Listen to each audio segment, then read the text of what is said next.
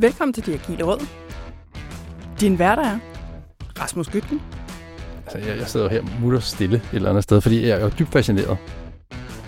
Line Hvid, hvor mange der bruger tid på at stå bitche ude ved kaffemaskinen, ikke? Og dagens gæst, Louise Sparf. De agile principper kan ikke være noget, du sælger på flaske ud til et projekt. Det skal gennemsyre hele organisationen.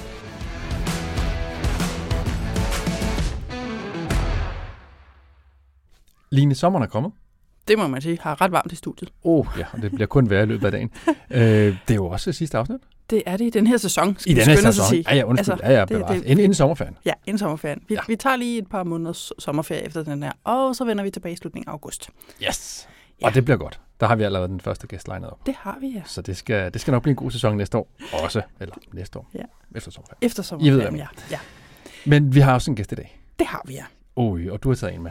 Eller Ja. inviteret en. Hun hedder øh, Louise Sparf, og er ja. Faktisk en, jeg fik anbefalet i sin tid, altså sådan, var, var smart og, eller interessant at følge på LinkedIn. Okay. Så. Mm. op i mit hoved er hun jo sådan, altså, virkelig sådan, altså, er guru nok for meget måske. Jeg ved, tror måske, vil hun vil blive lidt befippet. Men altså, hun har virkelig, virkelig nogle, jeg synes, fede perspektiver og input og sådan noget. Så Om, omkring hvad? omkring hvad? Ja, det er jo et glimrende spørgsmål, hvor jeg kan altså, vi kan godt begynde at snakke Formel 1-biler og lystfiskeri, men jeg er ikke sikker på, Det at ved det jeg er det. faktisk ikke helt, nej.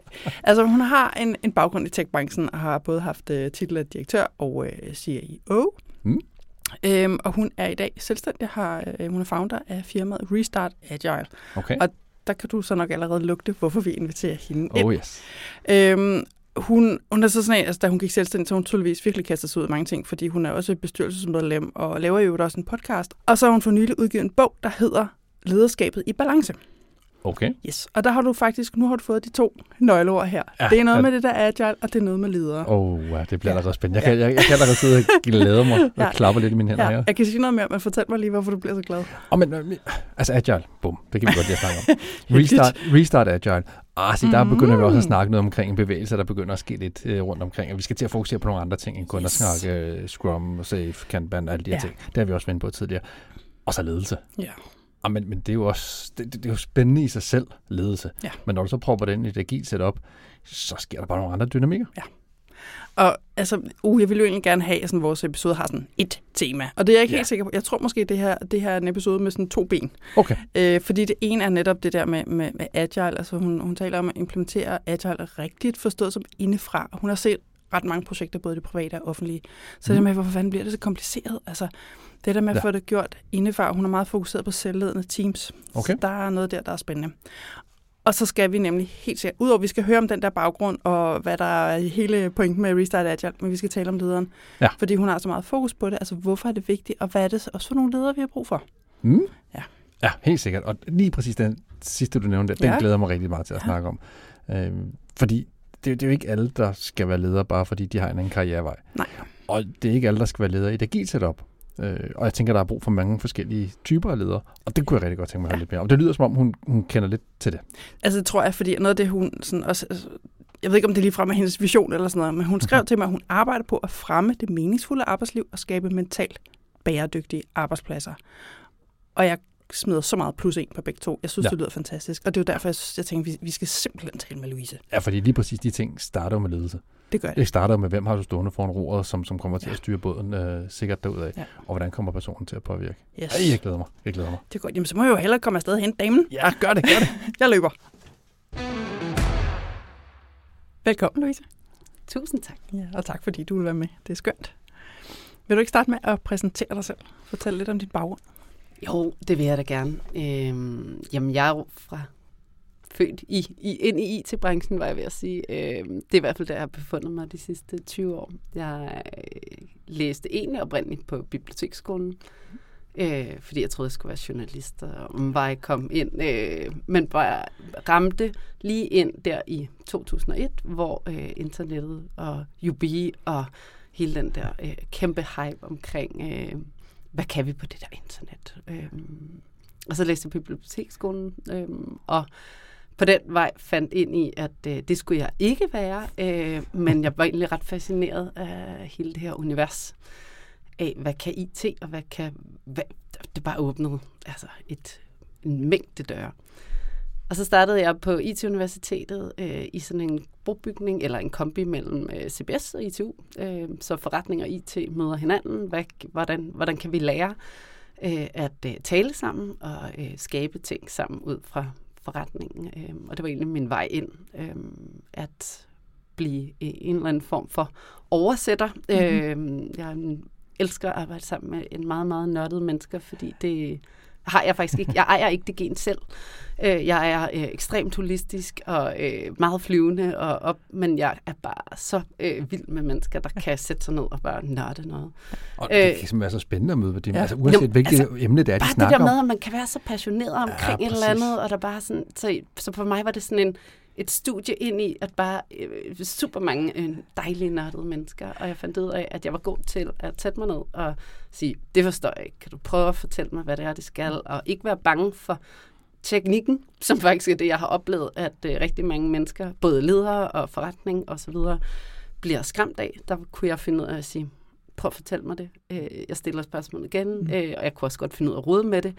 Øh, jeg skulle bare ikke nørde det for meget. Øh, så det blev min vej ind en, en brobygning mellem forretning og IT, øh, men fra menneskeperspektiv. Mm-hmm. Og så, øh, ja, så øh, har jeg egentlig arbejdet en meget omkring øh, sådan store offentlige øh, løsninger, øh, eller inter- IT Enterprise løsninger, jo, store, jo større, jo mere komplekst, øh, jo sværere øh, programmer.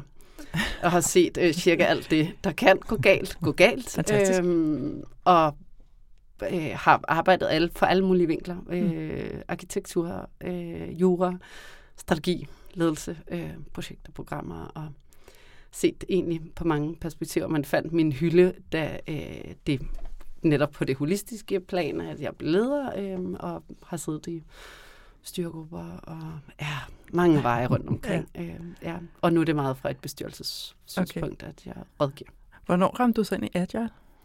Det gjorde jeg... Øh, jeg tror egentlig, det var lidt i en... At, jamen, altså, jeg uddannet og flasket op med øh, Prins 2. Øh, til dem af der ikke kan huske det, skal I kun være glade øh, for det. Det var et, øh, et, et meget, meget, meget, meget stort øh, og meget rigidt øh, rammeværk, øh, som det offentlige var meget, meget glad for. Øh, nemlig sådan her kører vi vores øh, IT-projekter i sænk. Jeg er ikke helt sikker på, at det var det, der var styring. Øh, nej, det handlede jo om, hvordan kan du øh, lave så mange forskellige små gates ind i projekterne, sådan, så vi hele tiden kan holde styr og rapportere op til øh, styregruppen, og øh, egentlig ikke så meget hvad laver vi egentlig? Hvordan giver, vi jeres, giver jeg arbejdsro? Øhm, så min vej ind i det agile blev, at det var det, jeg havde set og har kigget på det og tænkt, altså, øh, det her, det fungerer ikke særlig smart. Mm. Og hvem er det, vi laver det for? Og for hvem? Og i hvert fald ikke for de mennesker, der sidder og skal arbejde nede i projekterne. Og så begynder jeg at blive ret fascineret af hele sådan tankegangen om, hvordan kan man lave sådan exponential organizations indefra. Øhm, men alt handlede i virkeligheden om hastighed. Og det er egentlig min primære anke mod det agile, at det er blevet brugt som sådan en leverage til at skabe hastighed og hurtighed og, og trætte os. Øhm, så min vej ind blev, at kombinationen af, jeg kunne se, der var nogle organisatoriske spor, der begyndte at virkelig at tænke anderledes, mm. samtidig med, at der begyndte at komme nogle fine principper ind, borget fra medarbejderne mm. af, og sagt, vi kunne egentlig godt tænke os, hvis I lige gad at gå ud på og give os noget fred og ro, og vi kunne være fokuseret og begynde at arbejde i sprint, så begyndte at tænke det anderledes. Ja. Hvad var det for nogle organisatoriske spor, du så, der ligesom startede? Mm, jamen et er der jo hele vejen fra, øh, hvis, ikke, så, hvis ikke man har læst Frederik Laloux, så er man nødt til at gøre det. det han skrev i 2014 en bog, der hedder Reinventing Organizations, som blev for mig sådan en, ah, det agile og det organisatoriske bor fuldstændig hånd i hånd. Det er mange af de samme principper. Hvad vi for vores mennesker i organisationen, hvordan skaber vi nogle bedre rammebetingelser for, at vi kan passe vores arbejde. øhm, og øh, hele det her, det var egentlig sådan en hvordan skaber vi små sådan nogle mikroorganismer, eller mikroorganisationer øh, inde i den store maskine. Hmm. Hvilket passede godt ind i, at jeg har en fortid i det offentlige og i det private, og noget stort og noget tungt. Så hvis man kunne lave de der små lommer af mening, øh, så kunne jeg se, at det agile fungerede. Lige så snart vi satte det ind i konteksten af noget stort og noget kontrollerende og noget styrende, så døde det, øh, okay. selvom det lød smart. Ikke? ja. øhm, så det der med at virkelig at skabe øh, tage principperne for det agile sammen med nogle organisationsændringer, og så prøve at skabe små lommer Ja. rundt omkring i organisationen. Har du nogle eksempler på noget fra det offentlige? Altså noget af det der forvirrende noget, du prøver at forklare det over. øh, jamen, altså det offentlige, øh, der er mange, rigtig mange gode eksempler øh, jo på noget af det, der også gik galt. Øh, jeg vil egentlig gerne tage et med, som, som, som gik rigtig godt. Øhm, jeg kom tilbage fra barsel øhm, og havde været, var direktør for, for ud, al udvikling i, i skat. Øhm, og det var i den periode, hvor at, øh, der havde, stadig var sådan en vis tumult omkring, hvad man lykkedes med og hvad man ikke lykkedes med. Men jeg kom tilbage, øh, og i mellemtiden så øh, havde man været sådan, at, at det var forretningen, der skulle være ejer af projektet, og det var smart, for så vidste man, hvad der skete, at komme ind, og så blev kastet ind på et projekt, der var gået fuldstændig galt. Altså det var nærmest ikke startet, når det havde brugt hele sin finansiering, havde overskrevet alle milepæle, og alle var bare sådan, vi skal ikke have noget med det der projekt at gøre. Det er en god start. Ja, præcis. Og sådan, de var allerede på og oppe i projektrådet og øh, aktstykker og finansiering. Og, ja. Jeg så siger, jeg, det vil jeg gerne. Jeg skal nok tage ansvar. Jeg skal nok øh, tage styregruppeformandspositionen, men så skal jeg også have lov til at gøre det på den måde, jeg tror, det kan virke på. Så jeg øh, strittede øh, projektet ud, faktisk strippede det, øh, sagde farvel til øh, øh, de øh, styrgruppemedlemmer, der var, og så startede vi helt forfra. Fik en projektleder ind, som kunne det agile, øh, både i den måde, han tænkte på, den måde, han sagde det, og den måde, han skabte arbejdsro. Øh, og virkelig en, øh, en god stakeholder opad til. Øh, og så gik han i gang med at skabe sit projekt. Vi tog leverandørerne ind fra, alle mulige forskellige leverandører sagde, når du er her, så hænger du et, din titel ude i garderoben, du hænger også dit konsulenthus derude. For jeg var sådan, jeg, kommer, jeg har, været i Deloitte tidligere, og jeg var sådan, vi skal være et helt team. Så hvis vi dyrker det her whole team approach, godt, så er det det, vi gør herinde. Mm. Og så gik jeg ellers ud og så sagde, I kan hive fat i mig, hvis I skal have nogen som helst form for hjælp med at fjerne nogle sten i organisationen, have forretningen tættere på, hvad som helst, ellers er der bare arbejdsrum. Og så gik der to måneder, så havde vi fået vendt øh, projektet, begyndt at nå milepælene, og øh, det blev et kæmpe succes øh, indad til, men jo egentlig også i forhold til at levere varen til forretningen og skabe noget, som var tænkt fuldstændig på de agile principper mm. helt indefra. Øhm, og, men endte med at blive et projekt, der blev tysset lidt ned, øh, fordi man måtte ikke have en succes. På det tidspunkt var skat, og er det formentlig stadig, vil jeg tro, fordi at det er bedst, at vi tiger stille. Ikke? Vi kan ikke fortælle omverdenen, at vi gør det godt. Vi kan ikke fortælle dem, at vi faktisk er lykkedes med noget. Hvorfor? Det, det virker vildt mærkeligt. Nej, fordi tænk nu, hvis at de finder en lille bitte fejl. Oh. Så bliver vi hængt til tør, og så ser det meget, meget værre ud. Altså, vi er nødt til at gå ud og prøve at fortælle verden, at vi faktisk kan nogle ting, at vi gør nogle ting anderledes. Og her var øh, 75 mennesker, der havde været fuldt dedikeret i ni måneder, lykkedes med at vende et fejlslagende projekt. Øh, de havde brug for opbakning og ros, og havde brug for at få den der anerkendelse. Ja. Øh, så det endte med, at jeg smed min, min opsigelse på baggrund af det, sagde, vi har skabt det, jeg ved, det kan lade sig gøre. Ja. Jeg kan ikke se mine medarbejdere i øjnene, når vi ikke kan få lov at fortælle den Nej. gode historie udad til. Mm. Øhm, så den gode her er, det kan faktisk godt lade sig gøre, indenfra selv i nogle meget, meget tunge maskiner og noget meget tungt offentligt byråkrati, mm. fordi vi skabte den ramme og ro, der skulle til. Øh, det triste er jo, at vi aldrig får de gode historier. Jeg er sikker på, at der er mange, mange flere det må der derude, være. øh, men som jo bliver tysset ned, fordi man ikke tør. Og det er den der med, som jo er måske ikke sådan grundlæggende i det agile. Øh, prøv jer frem, eksperimenter. Hvis I begår en fejl, så, så gå til venstre, hvis det var til højre, I gik. Ikke? Ja. Og det kan du ikke her. Så det er sådan en, vi fejler hele tiden, men vi tør ikke sige det, fordi vi er bange for fejlene. Men, men det er jo et sindssygt godt eksempel på, netop, hvor at ledelsen skal være med ind over det her, for at få tingene fun- til at fungere. Fuldstændig. Og, og der har jeg sådan et spørgsmål, måske sådan et sidetrack. Ved jeg ikke. Du, nævnte også, at du sidder i bestyrelsesarbejde. Ja. Hvor, hvor højt oppe i niveauerne i de her virksomheder snakker man omkring agile? Altså er, er vi helt oppe på bestyrelsesniveau? Ikke, er, er, ikke, øh, ikke længere. Øh, Nej. der var lige sådan et, for et par år siden, hvor det lige bossede lidt. Øh, man skulle være agile på en eller anden måde, men man forstod jo ikke, det handlede om hurtigheden. Så nu Ja. er det mere, nu er det råd ud, før nu skal være bæredygtige. okay. Øh, så det er det nye buzzword. Men Ja, man, ja. man, man forstod, man kunne ikke helt forstå, hvad det egentlig betød inde i organisatorisk kontekst, at man rent faktisk skulle lave om på strukturerne. At vi skulle flytte rapporteringskravene, at vi skulle skabe noget andet. Vi, vi vil gerne have noget, kan jeg få for 10 kroner agile herover og øh, 10 kroner derover. Og Altså, ikke for mange af de grønne. men ikke for mange af de grønne, fordi det er sådan, puh, det bliver ikke. Øh, så Ja, det blev lidt et buzzword, for man kunne godt se, at det var noget, der begyndte at fylde rundt omkring i organisationerne. Men det, der var det rigtig triste, det var, at man egentlig ikke forstod, at det kræver noget andet af din budgetplanlægning. Det kræver ja. noget andet af din, altså din måde at bedrive ledelse på. Præcis. Den skal tænkes helt anderledes, ja. hvis vi skal have de principper ind. Hmm. Det, øh, det kommer ikke med den. Det kommer med bølgen, tror jeg nu, er faktisk, at man begynder at sige, med den nye type ledelse, der bliver krævet i den nye verden, øh, ja. vil der begynde at komme nogle af de agile principper ind. Okay, det, det er jeg rigtig glad for, fordi ja. jeg, jeg har jo fortalt historien før. Altså, jeg har jo mødt mellemledere, som har sagt, Rasmus, det der safe, det vil vi gerne have. Og det lugter langt af, at de er ude og spille golf med nogle andre mellemledere omkring, at det her det er bare mega spændende. Det er, Det er bare det lækkert. nye sorte, ikke? At nu, nu skal vi have det her. Ja. Og, de aner jo ikke, hvad det er, de siger ja eller nej tak til. Jeg vil også sige, at vi begge to freelance-konsulenter bliver nogle gange sendt ud som altså, agile coaches, scrum masters Ja. i de der transformationer, og der sidder man der og klør sig i nakken, og netop kigger på de der ledelser, det- jeg ved godt, I tror, I er agile, men det er I ikke, fordi I gør det, I plejer. Ja.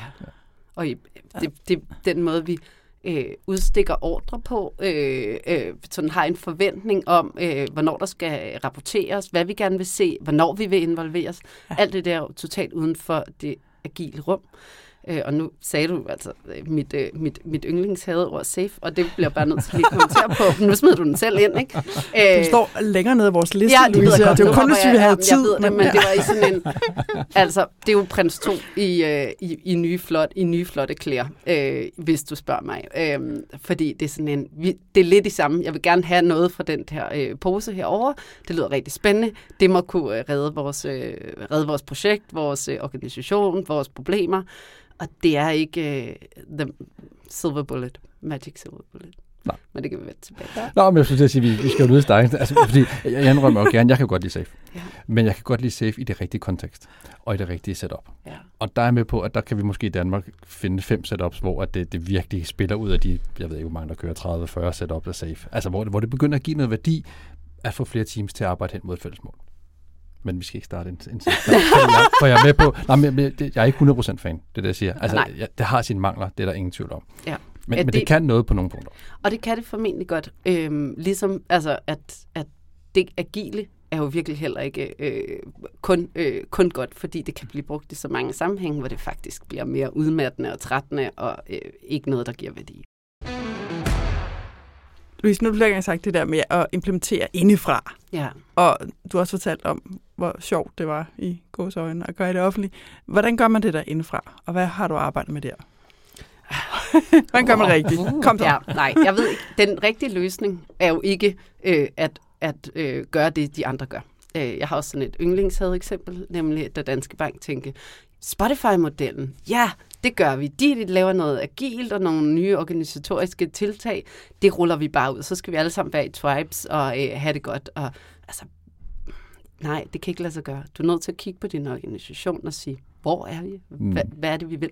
Hvad for nogle enkle, og her understregning, enkle principper kan vi tage, og hvordan lever vi det? Og jeg mener hele vejen op mm. i direktionen, ned til lederne, ud i projekterne, sådan som medarbejderne, for hvis vi mener åbenhed og transparens og sådan noget. Godt, hvad betyder det i vores setup? Man er nødt til at kigge på strukturer og møder og beslutningsveje og sådan noget, og det er ikke, det er ikke særlig enkelt, men man kan jo starte med et princip. Ja. Sige, det her, det synes vi kunne være det, der øh, understøtter vores værdier, øh, som signalerer, at vi er en moderne, progressiv øh, organisation, der i hvert fald prøver, om ikke andet prøver noget nyt. Ja. Og når man så øh, siger, øh, her har vi øh, en, en kultur, hvor vi gerne må fejle, og vi fejrer vores, øh, både vores fejl og vores succeser, ja, så skal I gøre det. Ikke? Ja. Øh, det gør de jo meget sjældent. Ikke? Vi siger det, men det er jo ikke rigtigt. Nej.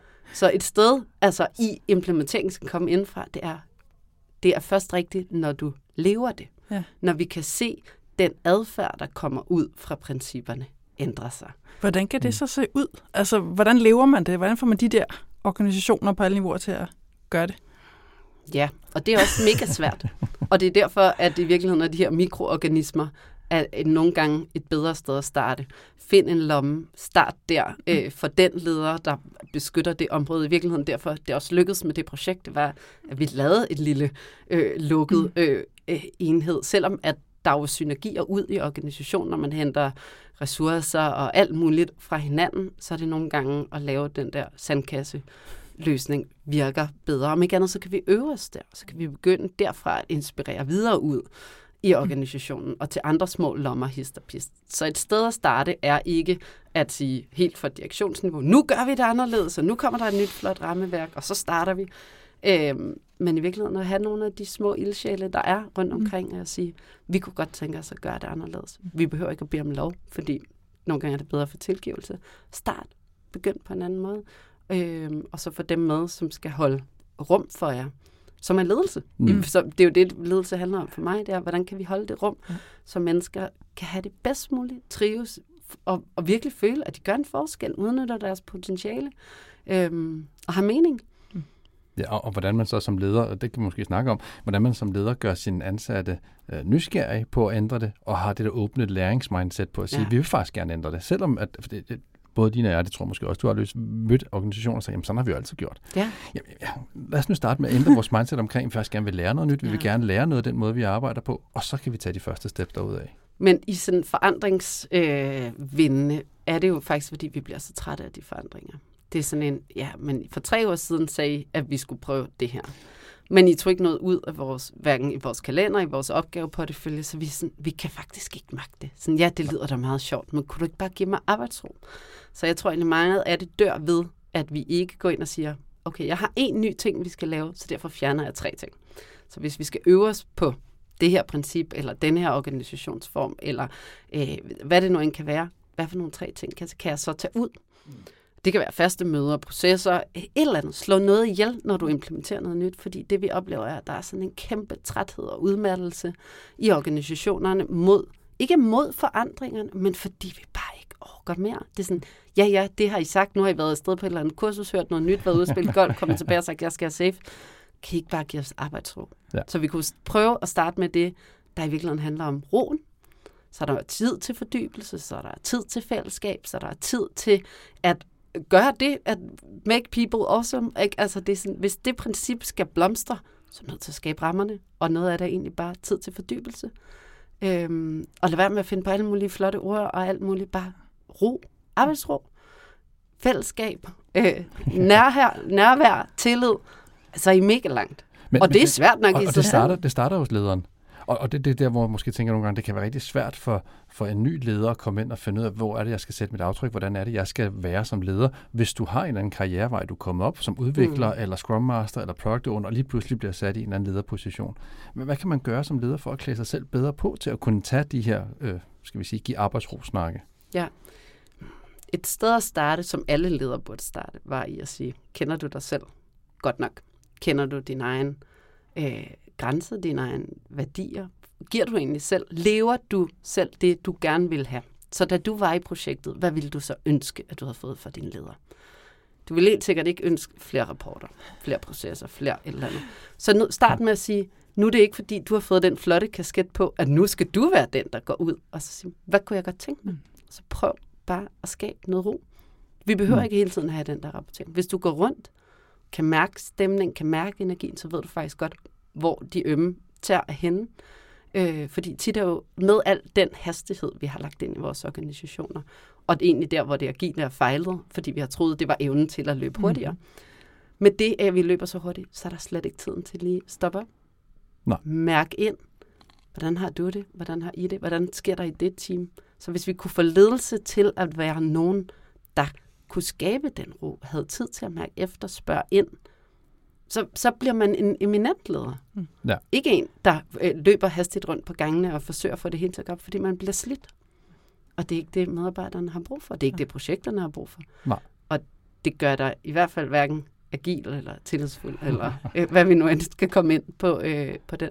Så ledelse starter med at sige, hvordan kan jeg skabe nærvær og arbejdsro, så jeg kan lytte Mm. Ikke? Ja, mm. mit, mit yndlingsprincip øh, er fornem og respondere.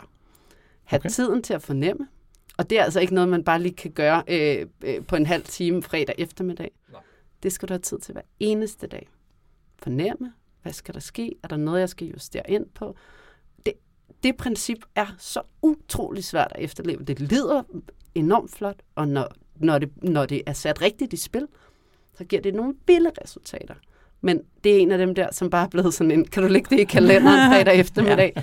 Og det virker ikke. Nej. Jeg kan ikke lade være med at tænke, altså, at alle de medarbejdere, jeg har stødt på, og inklusiv mig selv, jamen, altså, der er for det meste et, et ønske om forandring. Det er bare de forandringer, man selv kan se, der er behov for, at man føler, man selv har behov for. Ikke netop lederen, der har været på kursus eller spillet mm. golf for nogen, og nu kommer ind og måske netop gerne vil sætte sit præg på virksomheden, fordi jeg er ny leder, så nu skal jeg lave det hele om. Ja. Øhm, altså, hvor, hvis jeg hører dig rigtigt, Louise, som du siger, jamen altså fornem nu de der medarbejdere. Ja. Find ud af, hvad de har brug for, ja. frem for at, det ved jeg ikke, finde et eller andet fra en ja. PowerPoint, som du ja. så prøver at hive ned over hovedet på dem. Jeg synes, det er rigtig tit det, der sker, og der er faktisk ønsker om forandring begge steder. Mm. Det er bare to meget forskellige typer forandring. det er no, ja, og det der er, det er, lederen blev målt typisk. Mm-hmm. Ikke? Hvad har du udrettet inden for de første nok ikke 100 dage, det er måske lidt på præsidentniveau, men, men stadig, vi har sådan en, har du været inde og virkelig gøre den der forskel? Hvad med at anerkende lederen for ikke at lave rav i den ja. de første 100 dage? Wow, du gik ind, og så var du bare til stede. Kæft, det skulle man have en medalje for. Men det er jo ikke det. Altså, så det er jo noget med igen, hvis du er bare en brik øh, inde i et kæmpestort puslespil. Så er der nogle forventninger, øh, du bliver belønnet på en bestemt måde, så det kræver faktisk virkelig meget mod. Mm. Øh, at tu, turde tage den nysgerrighed ind af at sige, kan vide, hvad I er for nogen? Stille spørgsmål og sige, hvad betyder det, når den der dims øh, gør sådan? Eller øh, jeg, jeg forstår ikke, hvorfor er det her sat op? Eller hvad i den rapportering, I har lavet de sidste tre år, kunne I godt tænke at vi tog ud? Prøv at starte med det, frem for at komme med en ny rapportering, fordi jeg synes, at det skal være på den her måde. Men det er sådan et ledelsesmindset, som øh, på en eller anden måde også er ekstremt forfejlet og forankret i noget, der er ekstremt gammeldags. Ikke? Mm. Ny minister på posten. Godt, jeg vil gerne øh, have øh, nye forelæggelser, nye... Øh, altså alt bliver sådan en... Øh, at der er aldrig ro til egentlig at skabe noget helt ned fra bunden. Mm. Stille og roligt sammen med mennesker. Øh, så det, det, det, er, det, det er jo også i vores belønningsstruktur. Så ja. det er hele vejen rundt, at vi er nødt til at vende tingene på hovedet. Ja. Hvad er det så for nogle ledere, vi skal have? Altså, hvad det, hvordan skal vi ændre den der lederrolle, hvis det skal blive bedre? Vi skal have ledere, der tør være ledere. Ja. For ledelse er ikke øh, rapportering og styring og øh, management. Altså, ledelse er, jeg tør gå ind i et rum og fornemme, hvad der sker spørge ind til, hvad der er. Er der nogle sten, jeg kan hjælpe med at flytte? Hvordan kan jeg i virkeligheden holde hånden under jer? Sikre mm. jer, at der er trivsel? Vide, at I har det godt? Men det kræver også, at man tør stille nogle af de spørgsmål. Ja. Så fornem at respondere jo også ud fra, hvis jeg fornemmer noget, så tør jeg også kalde det. Jeg er vokset op i en tid, hvor nærmest at leder, lederrollen var lidt under, mm, hvad hedder sådan noget, opbrud. Man kunne godt se, at den klassiske sådan robuste leder, og den, der altid var vågen og øh, det arbejdede døgnet rundt, ikke, måske ikke rigtig fungerede. Men vi turde heller ikke stille krav. Ja. Så jeg har næsten set sådan, jeg har haft sådan 15 år sådan konfliktsky ledelse. Det der, altså det der er ikke nogen, der har brug for. Jeg vil gerne have at vide, hvorfor det er, du mener, at rammen er her. Mm. Men så skal du give mig fuldstændig frihed inden for den ramme. Mm. Når jeg så nærmer mig den ramme, så skal jeg nok orientere dig, og så kan vi sammen finde ud af, om mm. den ramme skal udvides, skubbes ind. Øh, men, men vi har nærmest fået sådan nogle ledere, der blev ekstremt konfliktsky og i særdeleshed ned, i, ned i, i, i, i IT, fordi der var mange stærke, meget øh, teknisk dygtige primadonnaer, der kunne, øh, som kunne skræmme den øh, alle væk. Sådan, du forstår alligevel ikke, hvad jeg siger. Og så blev det nærmest en joke, ikke? At man kunne, hvor mange ledere kan du skræmme væk på en gang? Frem for at sætte sig ned og bare sige, jeg vil gerne forstå jer. Jeg vil gerne, øh, hvad kan jeg gøre for jer? Mm-hmm. Og måske synes I ikke, at det, I har brug for en leder som mig. Men det er også fint. Men så hiv fat i mig, når der er noget. Eller altså sådan, lederen fornemmeste opgave er at tage vare og bruge sin magt omsorgsfuldt, øh, respektfuldt, ordentligt, flytte noget. Men når vi så har ledere, der forvalter den magt til at positionere sig selv, eller selv at blive forfremmet, eller hvordan øh, blive belønnet for at lave mest muligt rav i en organisation, så clasher det. Ja. Og så er der ikke arbejdsro. Betyder det så i virkeligheden, at vi skal ændre organisationerne lige så meget, som vi skal ikke, hvis vi, og måske skal vi ikke engang ændre lederne, måske skal vi have nogle andre typer som ledere, who knows. Men det lyder som om, at det også skal ændre noget andre steder. Organisationerne skal også ændres. Ja. Ikke? Og det er derfor, at der, hvor jeg gør meget af mit arbejde i dag, er på bestyrelsesniveau. Ja. Fordi en ting er, at vi, det var det, jeg oplevede selv. Jeg kunne egentlig komme rigtig langt som administrerende direktør, at få skabt den arbejdsro ned. Mm. Men når jeg så havde en bestyrelse og nogle ejere, der blev ved med kun at spørge efter nogle bestemte tal, og øh, altså, så døde jeg i det. Så mm. kunne jeg ikke holde det rum øh, for mine medarbejdere. Øh, så, eller ikke uden at jeg selv blev slidt. Mm. Så der er jo også noget med aktionærer, bestyrelser, øh, hvad er det for et fokus, vi har? Øhm, så hvis de bliver ved med at bare efterspørge en eller anden rapport og holde fast i tal, og, øh, og øh, kun 10-15 procents vækst er det eneste, der dur, så kommer vi ikke i mål med nogle mm. af de forandringer, som jo i virkeligheden er derfor, vi laver IT. Ikke? Vi laver de her forandringer for at skabe noget, for at flytte noget, for at gøre noget bedre. Nu tillader jeg bare formod, du lykkes med noget af det der, enten som direktør eller som bestyrelsesmedlem. Giv os nogle eksempler, og hvad gør man? yes, godt. Godt, du spørger. Øh, Nu skal jamen, som administrerende direktør, øh, der var det i virkeligheden at sige, den kultur, der var, øh, var det var et, et softwarehus, det vil sige, det vi sælger til kunden er agile projekter. Det jeg så inde i organisationen var, vi er ikke agile. Vores framework bruger vi ikke. Øh, vores agile principper, det er sådan noget, vi kan bruge derovre øh, hos en kunde, og jeg tror, hos nogle kunder virker det heller ikke. Så noget at sige, okay, hvis vi skal leve det, hvis vi virkelig skal mene det med de principper, så er der noget. Der er noget diversitet, der er noget, en måde at lytte på, der er en måde at tale på, der er en ordentlighed i, hvad gør vi? Også når man lukker døren, er der jo tit det der med. Så har vi sådan en, ja, vi er så ordentlige, og så går man og lukker døren, og så ja. Så. hælder man skidt ud for kunder eller samarbejdspartnere eller sådan noget. Så der er noget med tonen, mm-hmm. man også kan tage ind her og sige, mener vi det virkelig? Så det, jeg gjorde øh, og har lykkedes med, tror jeg, håber jeg, er i hvert fald at sige, vi skal have den ordentlighed hele vejen igennem. Ja. Øhm, og det kan ikke være sådan en, når du så rammer direktørlaget, så må man godt gå ind og lukke døren og øh, øh, svine hinanden til, eller hvad der nu end. Altså, jeg har set mange grimme ting. Ikke? Øhm, men også af, at når vi lever det, de agile principper kan ikke være noget, du sælger på flaske ud til et projekt. Det skal gennemsyre hele organisationen i vores dialog med bestyrelser, i vores... Øh, øh, vi havde sådan en, øh, om tirsdagen var der indendørs fodbold, som var sådan en, vi skal også være sociale sammen og skabe, altså have den der sådan fællesskab sådan, mega vigtigt. Men så indførte jeg yoga og meditation torsdag morgen.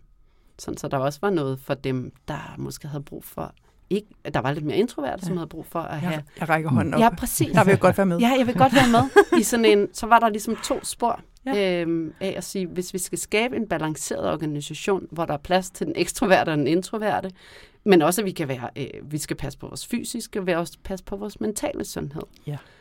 Så det gjorde jeg, har jeg de sidste fem år arbejdet rigtig meget med at sige, den balance skal være der i alle niveauerne, mm. og være et, et reelt tilbud, og noget, vi virkelig understøtter. Mm. Øhm, pausen er forudsætningen for performance. Natur er faktisk noget, vi mennesker har brug for. Ja. Øh, vi har ikke, og i særdeleshed, når vi taler om mennesker, der sidder i et IT-projekt, øh, uanset om det udvikler eller ej, så sidder vi så meget foran en skærm. Så hvad for nogle bitte små tiltag kunne vi gøre for at give hjernen luft? Så sådan nogle små ting kan man lykkes med øh, inde i organisationen. Du behøver ikke være administrerende direktør for at gøre det. Det hjælper dig en administrerende direktør, der forstår det. Øh, men på bestyrelsesniveau er det faktisk den samme, at jeg siger, vi skal, uanset hvad, hvordan vi gerne vil lykkes med de strategiske initiativer, vi bakker op om, hvad betyder det kulturmæssigt? Vi må aldrig slå kulturen ihjel, medmindre den er håbløs. Men den gode kultur, dernede, hvor mm, at man kan mærke, at medarbejdere går på arbejde, fordi vi skaber fællesskab. Jeg vil gerne arbejde sammen med ham der og hende der, fordi de er dygtige og inspirerende og fede. Så må aldrig røre den kultur. Mm. Men du må godt smide påpege, når der er noget, der er, er galt, og vi er på vej ud af et spor. Jeg, altså, jeg har været, der er ikke et sted, der er ikke et sted i mit arbejdstid, jeg har været, hvor man ikke har beholdt ham der, fordi han var rigtig dygtig, eller tjente mange penge, eller gjorde et eller andet, men var en kæmpe røvhul. Ja. øh, og de er jo alle steder. Så Mhm. lederens mm. opgave er også at sige, "Mm, jeg tør godt undvære dig, fordi du stjæler energien fra Ja. alle de andre i rummet. Jeg synes jo, det er så ironisk, at man tit taler om de der sådan bløde kompetencer. Det sådan lyder som om, at det er sådan noget, det der er sådan lidt fluff. Det kan vi sådan undvære, og det er sådan lidt, at du, altså, du nailer den jo. Fordi gider vi den der person, som måske er super skarp faglig, men er krop umulig at samarbejde med, og altså, skaber støj og, altså, og, og spolerer jo flow og alt muligt ud. Ja, og prøv at tænke på, hvis du laver regnstykket på, Ja. hvor mange mennesker, der har sagt op på grund af vedkommende. Oh, yes. Altså sådan, det er, vi, det er sådan, det regnestykke går ikke op. Nej, hvor Kun mange, på den dårlige side. ja, hvor mange der bruger tid på at stå og bitche ude ved kaffemaskinen, ikke? Det er det. Det, det Men, duer men ikke. vi beholder dem stadig, fordi, uh, nej. Ja. Fordi og, og det, en- det er blødt. det, ja, Nej, det er, det er vigtigt, det er essentielt. Altså, Altså, jeg, jeg sidder jo her mutter stille et eller andet sted, fordi jeg er jo dybt fascineret. Altså, det, jamen, det, er, jeg, jamen, det er virkelig, jeg sidder virkelig og suger det til mig, fordi jeg synes, det, jeg synes, det er mega fedt, og du, jeg tror, du rammer nogle af de punkter, som, som jeg har kæmpet lidt med, og det tror jeg også, Lina og jeg, vi har snakket om, jeg kan ikke huske, om vi gjort det på podcasten, omkring at sige, jamen, hvorfor snakker vi agilitet, når det er adfærd? Altså, hvorfor, Ja. altså, hvorfor skal vi altid diskutere, om det er safe Kanban, eller om Mm. mm. det er Scrum, eller om vi nu er det ene eller den anden vej? Fordi det, det er jo adfærd, vi sidder og prøver på at ændre. Det er jo en ja. kultur, vi skal have gang i. Det er noget helt andet. Så, så jeg har sådan bare et enkelt spørgsmål. Skal vi droppe agile transformationer? nej, overhovedet ikke. Det tror jeg overhovedet ikke, vi skal. Skal vi, vi så ændre fokus på dem? Ja, vi kunne måske godt ændre, hvad vi kalder det. Altså sådan, det er, alt er i virkeligheden en kulturændring. Når der kommer en ny leder ind, når vi sætter et nyt projekt i søen, når vi vil, øh, skaber nye organisationsformer, alt er jo en kulturændring. Så hvis vi på en eller anden måde kan både passe på og være meget specifik på, hvad for nogle typer i kulturen er det, vi gerne vil se mere af, hvad er det, vi gerne vil se mindre af, og så begynde virkelig at fodre hver den del, øh, og kaste lys derhen på noget af det, vi gerne vil se. Ikke? Ha' ledere, der lever det. Øh, øh, projekter, der, der, der, tør, øh, der tør gøre det, der også lever det. Så begynder vi at få mere af det gode. Så det der med, at vi er faktisk vildt dårlige til hele tiden at kaste lys ned på noget af det der øh, dårligdom. Og så får vi bare mere af det. Så vi er nødt til at sige, det øh, er ligegyldigt, hvad det hedder. Altså for mig er det, øh, alle de der ord, det er lige meget. For det, handler, det er helt ned til nogle meget, meget enkle principper af at være menneske på arbejde. Jamen, jeg, jeg, jeg, jeg elsker det. Jamen, jamen vi, altså Lina, vi havde ordet agil transformation, og det er derfor, jeg Ja. spurgte, at vi skulle droppe det, for jeg ville så gerne have, at du sagt ja, fordi så, så, ja. så, så havde vi slicet ja, ja, fuldstændig okay, ej, med det det samme. skulle vi have gjort. Ja, ja. Ja. Nej, Jamen, pointen er jo sådan set, at, ja, at, ja, at, præcis. at det ikke er ordet, der nej, bærer nej, det. og, og typisk i, i, i de agile transformationer, jeg har været med i, så har det været spørgsmål om at implementere Scrum, eller Ja, ja, implementere SAFe. præcis. og, og det er jo ikke det, vi skal fokusere på. Nej. Så, så det er mere det der. Men, men skal vi så skal vi have, skal vi have uddannet vores ledere anderledes? Ja. Altså, jeg, jeg snakker om det lidt tidligere omkring, at, at typisk har man sådan en karrierevej, der siger, nu er jeg Mm. udvikler, så er jeg chefudvikler, så er jeg teamleader, så bliver jeg måske projektleder, eller mellemleder, eller et eller andet, før jeg kommer op og det er jo ikke sikkert, at man er egnet til at sidde og have det der ledermindset omkring at give plads og alle de ting, der nogle gange hører til. Ja. Hvordan får vi ændret den her traditionelle vej til det? Ja, og, og det, er jo- det er spot on problemet af, at vi har nogen siden, nu kalder vi dem ledere, jeg vil hellere kalde dem chefer, øh, som på en eller anden måde er, øh, har mistet det, de var mega gode til. Det vil sige, ja. jeg er født ind i øh, et eller andet et fagområde, som jeg har elsket og nørdet tilbage til nørderne, og, og det der med, at jeg bare kunne se der, hvor gnisten i øjnene var, det var dem, jeg elskede at arbejde sammen med. Jo mere du så kunne se dem gå ud af en eller anden karrierevej, jo mindre gnist fik det i øjnene. Mm. Så det er jo også at sige, mm, vi har ikke brug for de der chefer. Hvis vi rigtig har alt har brug for ledere. Jeg tror på, at vi går ikke ind i en verden, hvor der ikke er ledelse. Nej. Vi har brug for ledelse, og vi har måske brug for det endnu mere end nogensinde før i den hyperkomplekse verden, vi er i. Vi har brug for ledelse, men hvad er ledelse? Mm. Så der vil være brug for ledere, og der vil, kan sagtens være nogle af dem, der går den vej, som har været en øh, super øh, specialist, øh, som finder ud af, at man faktisk er, elsker mennesker. Men du skal elske mennesker, du skal elske overblik, du skal elske. Hvis du ikke kan tække ind i dem, så skal du ikke gøre det. Nej. Så det er ikke, så vi er nødt til at finde ud af noget i sådan en, hvordan kan du være, hvordan måler vi succes, og fordrer at det der med, du skal blive der, hvor du virkelig har gnist i øjnene. Mm. Dem har vi brug for. Det skal vi belønne. De succeser skal vi have. Og så er der nogen, der er vildt gode til mennesker. Ja. De skal ledelse. Dem skal vi have nogen af. Og så kan vi sige farvel til nogle af de andre, og jeg siger, prøv her, det er jo ikke succes, fordi du er ikke glad, og det du sender ud i organisationen er dårlig energi, og øh, altså, vi har bare ikke brug for det. Nej, Nej. Tak. Jeg vil gerne have derhen, hvor du blomstrer. Og det er så lederens opgave, øh, lederen over lederen, til at sige, du havnede på den forkerte hylde. Vi troede, det var det rigtige match. Vi prøvede, og det er ikke, det er ikke en øh, skam. Nej. Og øh, ordene siger jo mange ting, det der med at gå ned igen. Mm-hmm. Øh, det kunne vi jo tage væk af at sige, du skal tilbage til noget af det, du virkelig elsker, noget af det, der driver dig. Vi kan mærke den der energi, du kommer ind i rummet med. Det er fedt. Mm. Men jeg har ikke brug for, at du sidder her og en, en, en sur, mellemfornøjet mellemleder. Nej, nej, præcis. At, måske det er det, der ligger i ordet mellemleder. Ja, mellemfornøjet. Mellemfornøjet. Men prøv, at- det er jo det sværeste sted at sidde. Jeg har faktisk et spørgsmål. Nu sagde du selv, Ja. ja. altså, øh, niveauet over. Ja. Fordi altså, jeg er helt med på den der. Dem, der har personalledelse, de skal altså blive personalledere, fordi de godt kan lide Ja. mennesker, og ellers skal de lade være.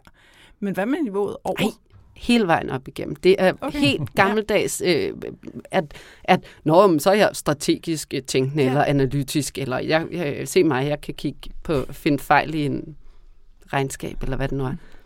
Hele vejen igennem. Man må gerne have sin faglighed med, om. Mm. det så er øh, øh, ja, økonomidirektøren, så skal han selvfølgelig kunne sit métier. Ja. Men du kan ikke få lov at blive leder for andre, hvis ikke du elsker mennesker.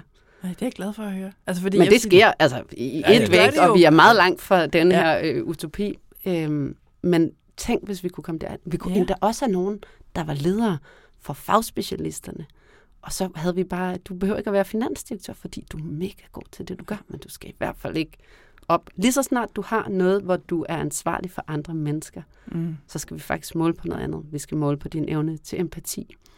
Din mål til at lytte. Vi har, øh, jeg er jo flasket op med at være leder, som ikke lyttede. Jeg blev øh, mere øh, forfremmet og hørt, hvis bare jeg snakkede.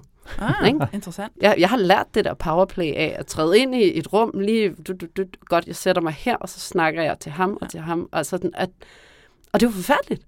Du havde allerede en plan om, hvad du skulle have ud ind af mødet, og hvordan du fik det igennem forhandlingsmæssigt. Og det, er bare sådan, det betyder bare, spilde folks tid, ikke lytte efter, fordi du allerede har en forudindtagethed om, hvad der skal ske. Så hvis vi nu begyndte at få fremme ledere og hjælpe dem med at udvikle den evne, der hedder at fornemme rummet, tage noget empati ind, øh, og virkelig ikke have svaret på forhånd. Ja. Og Mm. sige, jeg ved det ikke. Hvad synes I? Jeg skal nok træffe en beslutning, hvis ikke vi kan nå til enighed, og jeg tør godt tage det ansvar. Men jeg vil faktisk gerne høre, hvad I synes. Fordi jeg har ikke nødvendigvis svaret på forhånd. Det er simpelthen så interessant, det der. Altså, fordi jeg vil sige, ja, de der fagspecialister, der bliver ledere, dårlig idé. Ja. Men der, der er nemlig også en anden vej, altså dem, som bare kan lide prestigen i Ja. at blive chef, og rigtig godt mm. lide at høre deres egen stemme. Ikke? Ja.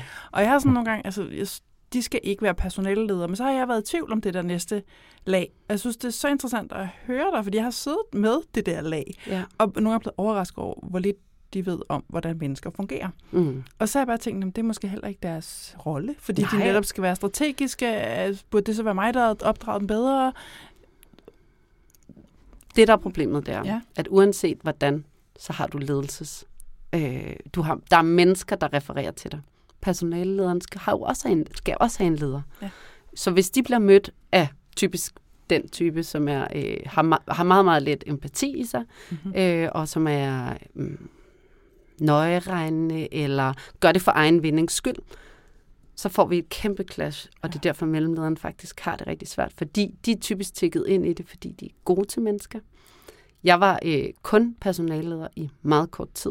Øh, det er jeg virkelig glad for, fordi det er et virkelig hårdt sted. Man sidder virkelig øh, fanget i at både skulle tænke strategisk og ud til dine kollegaer, og, og at alt, mange har alt for mange medarbejdere. Jeg havde 35 i mit første lederjob, der refererede Holy. direkte. Det var sådan, det kan du ikke. Du kan ikke være en nærværende leder. Øhm, men det, jeg ser på øh, direktørplan, er, at der er stadig for meget tanke på, at vi tror, at så behøver du ikke at have den side mm. i Mm. dig. Øh, men der, det, den, og det, vi minder for meget om hinanden, alle dem, der sidder deroppe. Altså, vi har det samme, vi er gjort ud af det samme øh, DNA, vi er opflasket på samme måde, øh, vi er typisk øh, meget øh, dominante og talende, og, men det betyder ikke, at du ikke har den anden side. Mm. Mm. Vi har bare ikke lært at aktivere den. Men bare, nu har vi jo talt en hel masse om netop både om din erfaring fra det offentlige og fra, fra det private og lederne og alt det der. Men så, du har jo for nogle år siden lavet Restart Agile. Ja. Og jeg skal lige høre, hvad, Ja. hvad handler det om? Øhm, det handler i virkeligheden om nogle af de ting, Ja. som, øh, som vi har talt om i dag, at, øh, at jeg er ud af, af, af, af tech, øh, også hvad det hedder tech, øh, og at jeg bare elsker nogle af de grundprincipper, der er. Mm. Øhm, og under corona, øh, Ditte, som er min marker i Restart Agile, begyndte vi bare at tale om sådan organisationsforandringer, og øh, hvor træt vi var af safe, og øh, hvor, meget for, hvor lidt forandring vi egentlig har set lykkes. Øh, men baseret ud fra nogle øh, sådan succeshistorier, begyndte vi at sige, hvad har vi set, der virkede? Ja. Så vi har baseret vores virksomhed og vores rådgivning på sådan et The Loop of Agility, som handler om, hvis du både skal kunne lave de her øh, små retrospektiver ind og, og, og hele tiden fornemme og respondere, så er du nødt til at have nogen, der har øvet sig i evnen til at lytte. Mm. Så lytte er sådan et grundprincip, øh, og bedrive mit, mit take ind er jo ledelse, øh, men det kan også være ledelse af sig selv, øh, eller øh, teamets ledelse. At compassion er sådan et grundvilkår, og, og det betyder egentlig, at du tager dit hjerte med på arbejde. At du kobler det, der er den analytisk kloge hjerne, sammen med kroppen og hjertet. Når vi sætter de to ting i spil, så kan vi skabe noget, der er helt vildt. Og ud fra det, så var vi sådan, vi tror egentlig på, at det er nogle af de principper, som har manglet i det agile. Principperne er der, mm. men vi har ikke sagt, hvad skal der til menneskeligt? At hvis vi kun er i vores hjerne og beder efter de der tal, og noget, der er målbart, og noget, der kan være hurtigt og hastigt og produktivt, så dør principperne, når vi ikke har vores enten øh, øh, ørerne med til at lytte, og evnen til at sætte hjertet i spil. Ja. Er det, er det så måske det, at vi skal have mellemlederen lidt mere på bringen? Ja. For jeg mener, altså, Scrum, Safe, Kanban, de snakker jo ikke om mellemleder. Personen er jo ikke nævnt nogen steder. Men hvor, det er jo hvor, hvor fordi, at vi egentlig troede, at ved at implementere de her rammeværker, så kunne vi tage mellemlederen ud. Mm. Så det er jo solgt ind i organisationerne som en, du kan også spare rigtig mange penge her. Ikke? Så har vi allerede taget øh, 10 års værk ud. Way, så sad der en finansdirektør og fik en flot bonus på det, fordi han kunne øh, ja, gevinstrealisere før tid. Øh, nå, hvad var spørgsmålet? Undskyld. Nej. Øh, så øh, ja, mellemlederen har jo sin berettigelse her, fordi det er typisk nogen, der er drevet af at ville gøre noget, som kan se mennesker, som kan forstå mennesker, som har lyst til. Problemet er, at de har ikke tid. Så vi skal skabe rum i deres kalender til i virkeligheden at bedrive tid til ledelse. Men hvordan gør vi så det med samspillet med de teams, der er, en Scrum Master, en Product Owner, RTI og hvad der nu ellers er, som har en eller anden form for, for ledelsesansvar over for teamsene? Øh, hvordan får vi så kørt mellem Og det er også svært, fordi hvis det er i den klassiske matrix, hvor vi egentlig stadig holder fast i den klassiske hierarkiske øh, struktur af, at der er en mellemleder, som så er dem, der øh, ejer fem eller ti af ressourcerne i projektet, og hvordan gør vi egentlig? Det er mega svært, mm. fordi i virkeligheden så skal vi jo flytte lederskabet ind der, hvor din hverdag er. Det nytter ikke, at du har et sådan distanceret mellemleder, der en gang om året siger, Nå, hvordan er det i øvrigt gået i dit projekt, og hvad for en udviklingsplan skal vi lave det næste år? Det er ikke ledelse. Nej. Så jeg medgiver, at den del er rigtig svær. For jeg vil gerne have lederskabet ind der, hvor din hverdag er. Det vil sige teamet. Hvem omkring dem? Er det Scrum Masteren? Øh, er det, øh, hvem er det, der ejer den? Ja. Den menneskelige ledelse. Øh, det var ikke projektlederen i gamle dage heller. Nej. Det blev det lidt, men de havde heller aldrig tid, for de skulle jo styre ja. og følge op og lave rapporteringer og sådan noget. Så hvem har egentlig den bold i ja. dag? Ja, jeg ser forskellige setups. Et setup, jeg, jeg som kunde jeg har kørt, der er det product owneren, som rent faktisk også ja. er leder for, ja. desværre ikke hele teamet, men for det meste af teamet. For noget af teamet, ja. ja. Og det fungerer. Ja. Jeg synes, der er et eller andet ja. der, der fungerer. Det går lidt imod princippet omkring, at, at lederen skal holde sig lidt væk, og product owneren skal fokusere på produktet, og ikke på ledelsen ja. og alle sådan nogle ting. Men, men jeg synes faktisk, at mm. det, det lugter lidt af at kunne noget. Ja, og det har jeg også set, at det faktisk er PO'en, der ender med at komme ind og tage det ledelsesmæssige ansvar. Men det er ikke en altså, det er ikke naturligt, at det skal ligge der. Nej, nej. Øh, men måske er det også en anke af, at det ikke er tænkt ind i det setup. Nu sagde du også, at mellemlederne ikke har tid. Altså, hvad er det, de laver? Fordi op de i mit hoved... i møder og laver rapporter. Og laver rapporter. Ja. Godt, godt så. Ja. Og så. flere møder, og, øh, og så skal vi lige samle noget op, og så sender vi lige noget ud. Og så, mm. Det er jo en lang, øh, øh, jeg tror, øh, er der et regnestykke, der siger, at 75 procent af mellemlederens tid går på møder, og dermed i virkeligheden er søvdearbejde eller spild af tid. Mm. Så det er derfor, jeg siger, at når vi indfører noget, så prøv at starte mm. med at rydde ud i den kalender. Ja. Det er ikke succesfuldt at have en tæt pakket kalender, men det tror vi. Det er jo travlhed, det er vigtighed. Det, sådan så det ud. Jeg skal give jer et virkelig skræmme eksempel fra det offentlige. Det var, øh, og det er også set i det private, men mit eget er fra det offentlige. Øh, en god chefkonsulent havde øh, ryg til ryg møder hele dagen igennem. Altså sådan en Colgate-kalender. Travlt, vigtigt, sad i rigtig mange møder. Så blev man øh, kontorchef, øh, mellemleder. Øh, de havde så dobbeltmøder hele mm-hmm. vejen igennem. Direktører havde så trippelmøder hele vejen igennem. Så du kunne faktisk slå op i kalenderen, se på, hvem, hvem er vedkommende, hvad for en titel, altså hvad for en mandat kommer man ind med til møderne, med det resultat af, at der var ingen nærvær i møderne. Nej. Du halsede rundt, du kom for sent, du, brændte, du skulle altid brænde to af. Det er noget, du måske ikke lige at sige, hvis ikke øh, din PA havde sikret sig, at det var det, der var, det var det, der var dit fokus i dag. Og så kommer man fem minutter, måske 10 minutter for sent, flyvende ind i mødelokalet. Øh, nå, øh, og så skal folk begynde at gentage, hvad det er, de allerede har sagt. Jeg er sikker på, at I kan genkende det her fra oh, yes. rigtig mange setup. Yes. Og så 5-10 minutter ind, så begynder folk at blive helt vildt urolige. Øh, kigge på deres ja. telefoner og begynde... Fordi man skal, skal man jo Ja, forberede så sig til det næste. Ja. Så mit spørgsmål er bare, hvad er, det, hvad er egentlig godt arbejde? Er Ja. det at sidde i møder? Øh, er det at lave rapporter? Er det hvor, tilbage til noget der, hvor vi faktisk flytter noget menneskeligt? Ja. Øh, og vi kunne starte med at altså, simpelthen at hive 80 procent af alle møder ja. ud af kalenderen, og så sige, du er ikke sej, når du har en fyldt kalender. Du er ikke vigtig. Travlhed er ikke noget, vi skal hylde. Mm. Vi skal hylde, at der er plads i din kalender, og ikke som en eller anden sagde her, sådan, når der lige er, øh, jeg må lave de der op for, op for grabs mellem, øh, fordi du lige har en halv time til dig selv. Hvis ikke du har blokeret den og skrevet Mm. privat, fordi jeg ikke Ja. tør skrive, jeg skal lige trække vejret, for ellers så dør jeg. Altså, det er jo altså en helt kulturændring. Altså også uden om vores arbejdspladser, ikke? Altså med, fordi det er jo også, det er jo smart. Jeg ved om, der er måske ved at ske noget, ikke? Men det er stadig lidt smart at have travlt og skulle en hel masse. Og sådan, altså man får ikke mange point, hvis man sådan, nej, jeg skal helst ikke lave noget i weekend. Jeg siger det faktisk, fordi jeg er introvert og jeg er særlig sensitiv, og mand, hvor skal jeg trække vejret en gang imellem. Så for Ja. mig den fede weekend, den er ikke skal noget, og jeg siger det højt. Men altså, der er der nogen, der kigger lidt mærkeligt på mig en gang. Ja. Det lyder enormt kedeligt. Nej, det Ja. gør jeg. Jeg har en date med min bog. Ja, og det er en samfundsnorm, der skal ændres. Ja. Og, og, og vi taler om det før, det er kulturændring, men det er helt op på samfundsplan. Ja. Vi har så dårlig mødekultur, Ja. og det tror jeg faktisk ja. er noget af altså, råden til al mulig dårligdom i vores organisationer og i vores projekter, og hvorfor det agile aldrig lykkes, fordi vi går til møder. Så, så to vigtige råd til mellemlederne i dag. Hvad, hvad skal de, når de har lyttet til den her podcast, hvad er det første, de skal implementere i deres organisation eller deres teams i morgen? Pause. Pause. Pause i deres egen kalender. Start det. Lev det. Selvom der er nogen, der tænker, at du er lidt et, en underlig snegl. Fordi mm. det er jo ikke produktivt, og det er noget mærkeligt noget. Start med at lægge pausen ind i din egen kalender. Giv dig selv noget ro. Fordi du ved, at når du så går ud igen på gangene, så går du med lidt lavere. Mm.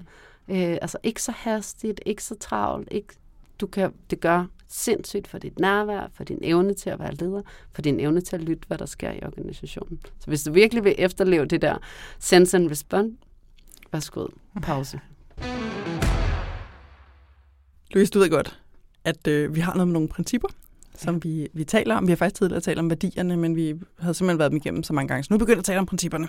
Og øh, vi har snakket sammen, og jeg prøvede at kigge på dem og fandt tre, som tænkte måske kunne tappe ind mm. hos Mhm. dig. Og du valgte et af dem. Ja. Det vil jeg nu forsøge at læse op på engelsk. Det lyder altid godt. At regular intervals, the team reflects on how to become more effective, then tunes and adjusts its behavior accordingly. Hvorfor har du valgt det? Fordi et, der er noget med effektivitet, som jeg bliver øh, en lille smule, øh, mm, hvad hedder sådan noget, på den pæne måde fornærmet over. Ja. Øh, fordi jeg er faktisk ked af, at vi er så optaget af effektivitet. Så jeg valgte det faktisk, fordi jeg synes, at det princip rummer nogle rigtig gode pointer i forhold til, at vi er nødt til hele tiden, i virkeligheden tilbage til sense and respond, at du er nødt til at have den evne til at kunne justere løbende, sådan, så det ikke bliver så farligt. Så det ikke er sådan en, Mm. ah, vi satte alt på blå, og nu skal vi gå, gå rød. Men at vi får lidt mere den der blidere, mere organiske vej ind i vores arbejdsliv og vores projekter, at vi løbende kan justere ind. Mm. Det synes jeg egentlig, det rummer. Det synes jeg er rigtig fint. Og så står der effektivitet, og så bliver jeg helt utroligt træt, fordi det er jo tilbage til, at vi kun kan noget, når vi er rigtig effektive. Mm. Så det agile er jo tit blevet skovlet ind, øh, solgt ind til lederne sammen med et stort øh, safe-fremværk, og så sige, at du kan blive så effektiv. Ja. Og det synes jeg er så ærgerligt, fordi vi har ikke brug for mere effektivitet. Vi har brug for ro, vi har brug for øh, fordybelse, til nærvær, til at skabe sammenhold, til at få den der sammenhængskraft, mm. Som jo er det, når man har været på et team, hvor du lykkedes, så er det jo sammenhængskraften og dynamikken. Det er ikke effektiviteten, der er det fantastiske her. Det er det, vi kan skabe sammen. Og det må godt være både øh, mange arbejdstimer, og, øh, og der må godt være hastighed, og der må godt være noget, der brænder, hvis bare vi evner at passe på hinanden. Og når vi så har kommet ud gennem sådan en periode, at der så skal mm. være en eller anden form for ro og stillstand. Fordi alle, der har prøvet, og det er faktisk ikke alle, der har det, og det er synd, fordi det sker så sjældent, men når man har været i det der team, hvor det hele bare, vi ved, ja. øh, at vi har hinandens ryg, og det hele spiller sammen alle niveauer igennem, og der er bare sådan en, der er bare sådan en, jamen, det er sådan en sammenhængskraft. Ja, der er det er sådan magisk. En, det er simpelthen magisk. magisk. Ja. Og når det stadie, når, når du har prøvet det, mm. så tænker du, gud, hvor har jeg også haft meget, der ikke var sådan. Men tænk, hvis vi virkelig begyndte at bruge det princip Ja. til at sige dynamik og magi og sammenhængskraft frem for effektivitet. Min påstand er, at dem, som stadig tror, at sådan noget med at, altså konkurrence og presse og sådan lidt små trusler, jeg tror, det virker. Det er, fordi de ikke har prøvet det andet. Det er Ja. ja. den eneste forklaring, jeg kan finde for netop, at som du siger, hvis man Ja. ja. har prøvet, hvis du har kunne mærke det der i rummet, Ja. går du aldrig tilbage, og du sidder aldrig og bilder dig ind, at det andet virker. Fordi det er for vildt, når det sker. Præcis. Lige præcis. Men jeg tror simpelthen, det er fordi, der er så mange, der ikke har prøvet det. Louise, det har været en sand fornøjelse. Jeg tænker, der sidder nogle lyttere derude, der godt kunne tænke sig at, at finde dig. Så hvis man gerne øh, vil finde dig og høre mere, hvor skal man så kigge ind? Min øh, sådan levested er LinkedIn. øh, jeg bruger rigtig meget øh, tid der til budskaber og samtaler, øh, som man kan søge på Louise Spaff yes. På LinkedIn. Så kan man selvfølgelig finde mig på Restart Agile eller Make Work Meaningful. Uh, det kan vi godt lide. Ja, vi linker absolut. til det hele. Åh, Gør vi dejligt. altid i Det gør notes. vi. Dejligt, dejligt. Yes. Tusind tak, det har været mega inspirerende. Tusind tak, fordi jeg måtte komme. Hvad så, Rasmus? Jamen, jeg ved slet ikke, hvad så. Jamen, jeg, jeg har det jo en gang imellem, jeg har sagt det før, jeg siger det igen, vi har super fede gæster i den her Ja. podcast, det er der jo ingen tvivl om. Og en gang imellem, så er der bare nogen, hvor man bare bliver blæst lidt baglands. Ja. Og og jeg blev lidt blæst lidt baglands af Louise. Det, det, det må jeg indrømme. Uh, det, det ved jeg ikke, om man også kan høre på podcasten. Jeg er måske lidt tavs, fordi jeg sidder, jeg sidder og sluger det til mig. Altså, fordi jeg synes, hun er jo inde på noget af det helt rigtige i mange af de ting, hun siger. Og hvad er det rigtige, Rasmus? Kom så. Ja, men, men, hvad er det, der rammer? Jamen, det, det rammer. Om et er selvfølgelig, og, og, og det, det, er jo, det er jo nærliggende at sige, omkring ledelsen. Altså ledelsen, vi, vi skal have gjort noget anderledes. Vi skal finde ud af, hvordan får vi inkorporeret mellemlederen, øh, personallederen bedre i de agile setups. Hvordan får vi sat det rigtige mandat haha, til den person omkring at, at skulle arbejde med mennesker, skulle Mm. lytte, få ro på, skabe miljø, skabe rammer, for at, at den enkelte kan, kan præstere øh, og virkelig blomstre. Mhm. Det er sindssygt vigtigt. Og så omkring de agile øh, transformationer, vi skal have et andet fokus. Ja. Altså, jeg, jeg, jeg tror også, jeg nævnte det sidst. Jeg kæmper stadig lidt med at få placeret det her agile. Jeg, jeg hader at snakke rammer, jeg hader rammeværk, jeg hader at snakke uh, safe mod Kanban og, og Scrum og så videre. Det er forandringsledelse. Det er, det er helt inde på de bløde ting nogle gange, vi skal ind og, Ja. og vurdere og, og, og ændre, når vi er ude og snakke om de her ting. Ja. Så, så jeg synes, jeg, jeg sad bare og slugte til mig, Ja. alt det, hun sidder og siger. Altså, jeg elskede, at hun sagde et eller andet med øh, at tage hjertet med på arbejde. Mm. Øh, som jeg bare synes var så fint, og sådan som jeg forstår det i hvert fald, netop tapper ind i den der med at altså, både være mennesker og gøre plads til mennesker. Jamen, helt sikkert. Øhm, og altså der, hvor hun, altså, hun fik skubbet til mig også, fordi jeg har altså, længe haft den der, jamen personalelederen skal være personaleleder, fordi vedkommende godt kan lide at arbejde med mennesker. Men jeg har vidderligt været i tvivl om, hvad med de andre niveauer? Er det også nødvendigt længere op på organisationsniveau, og til med op i bestyrelsen? Og jeg synes jo simpelthen, det er så fedt at høre hende sige, ja, det er.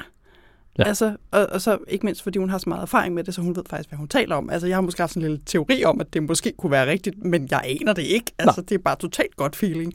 Så det er ret Præcis. fedt at høre, og det kan jeg mærke, der er lige blevet skubbet noget ind i mit hoved, og som jeg helt sikkert synes er fedt, mm. øh, Mm. fordi så kan man måske godt kigge på øh, en eller anden plus 55 i jakkesæt og sige, Ja, ja, du sidder i en præcis. position, hvor du faktisk burde begynde at interessere dig for, hvordan mennesker fungerer. Jamen lige præcis, og det er jo, altså, det er jo ledelse ned ad hele vejen, uanset hvad, og, og kulturen bliver jo præget af, hvad er det for nogle ledere, der sidder på toppen, og imellem og i bunden, skulle jeg sige. Altså, hvad er det for nogle mennesker, der løber rundt i den her virksomhed? Ja. Øh, så, så, og jeg er helt vild med det der med at tage hjertet med på arbejde, fordi der sidder en eller anden ejer, der sidder nogle aktionærer, der sidder et eller andet øh, land, hvis det er det offentlige, du arbejder for, og, og prøver at få noget værdi ud af dig Mm-hmm. så synes jeg også, det er fair nok, at du som person, når du giver så meget til organisationen, også stiller nogle krav. Og der, derfor er det også det der med, at hvis du tager hjertet med på arbejde, også som leder, og begynder ja. at tænke, jamen de folk, der møder ind hver morgen, yder faktisk noget, enten for nogle aktionærer eller for landet, hvis, igen, hvis det er offentligt, Mm-hmm. så det er kun fair, at jeg... Kunderne måske. Ja, kunderne. Nå, jamen, altså et Ja. eller andet, fordi der er jo nogen, som, som, som nyder godt af, at vi møder ind på arbejde. Så det med at skabe nogle rammer, skabe noget, noget miljø, som bare er trygt, godt og, og, og fedt at være i. Og jeg har jo lyst til så at smide noget ind i den pulje, hvor der er plads til også mennesker forskellige. Mm. Det snakker vi måske ikke helt så meget om, men altså, jeg vil ved på, at øh, den er hun med på. Ja, ja, altså, fordi, der, altså, fordi hun taler meget om det der med menneskelighed og fornemme. Altså, jeg fik jo også sagt, altså, jeg er introvert, jeg er sensitiv, jeg har det ret hårdt på sådan almindelige moderne arbejdspladser med storrumskontor. Altså, det Ja. er helvede på jord for mig. Altså, det kan jeg ikke fungere i. Men der er bare en forventning om, det, selvfølgelig kan du det. Ja. For det skal vi alle sammen kunne. Og jeg ved jo folk, der er udfordret, altså der har noget øh, neurodiversitet, altså enten det er Asperger også, eller ADHD, altså, altså de har det endnu værre.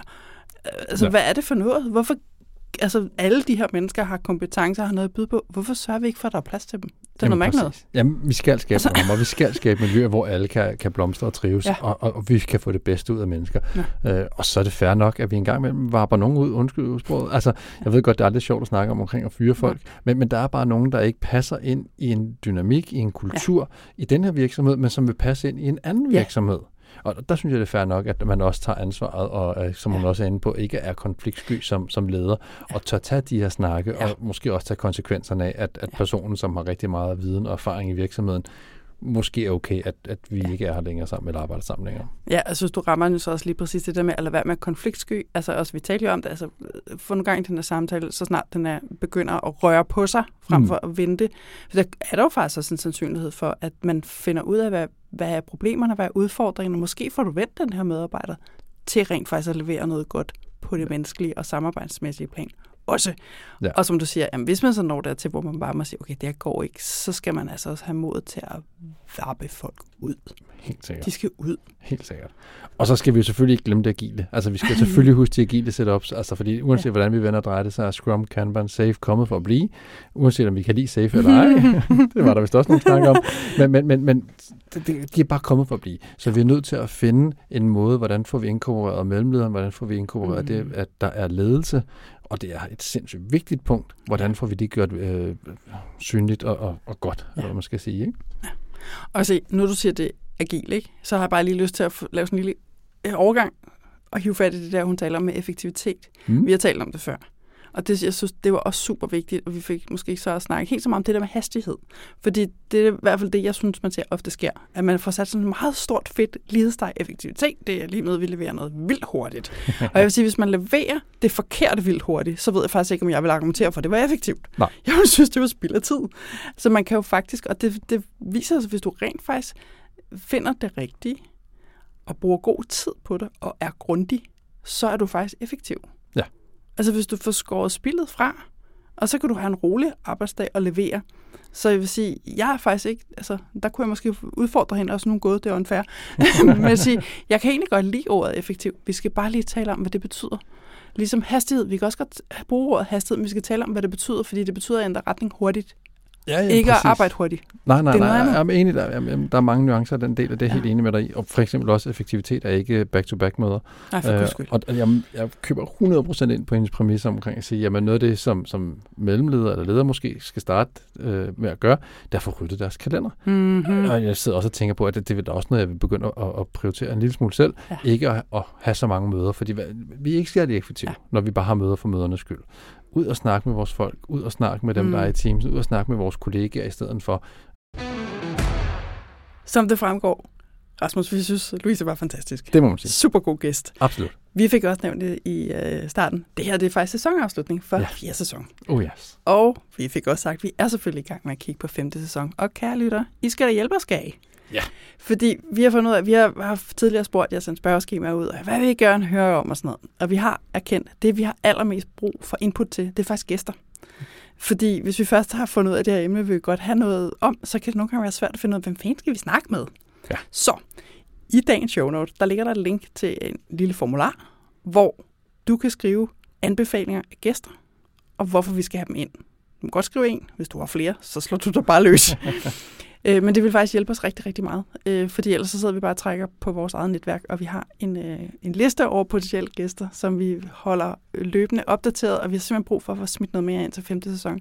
Så øh, kyl afsted. køl afsted, og vær endelig ikke begrænset af, at det skal være en Scrum Master eller en Product. Owner. Som du måske har hørt i sæsonen, så har vi haft adfærdsforskere ja. og øh, læger og alt muligt andet inden. Øh, så, så kom endelig, Ja. kom endelig glad med, med alle de muligheder og forslag, du. Hvis det bare lugter lidt af at kunne være noget agil praktik, så er vi så åbne. Så smid det til os.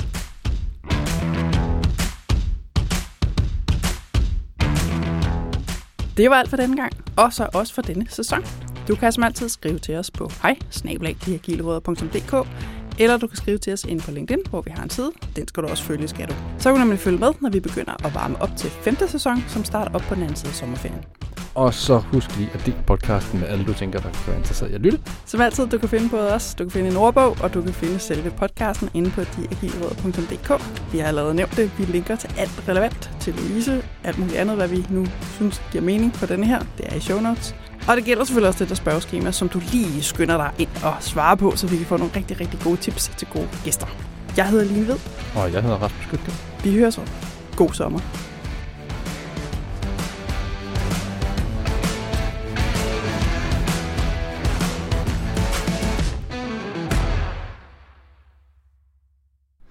Det var alt for den gang.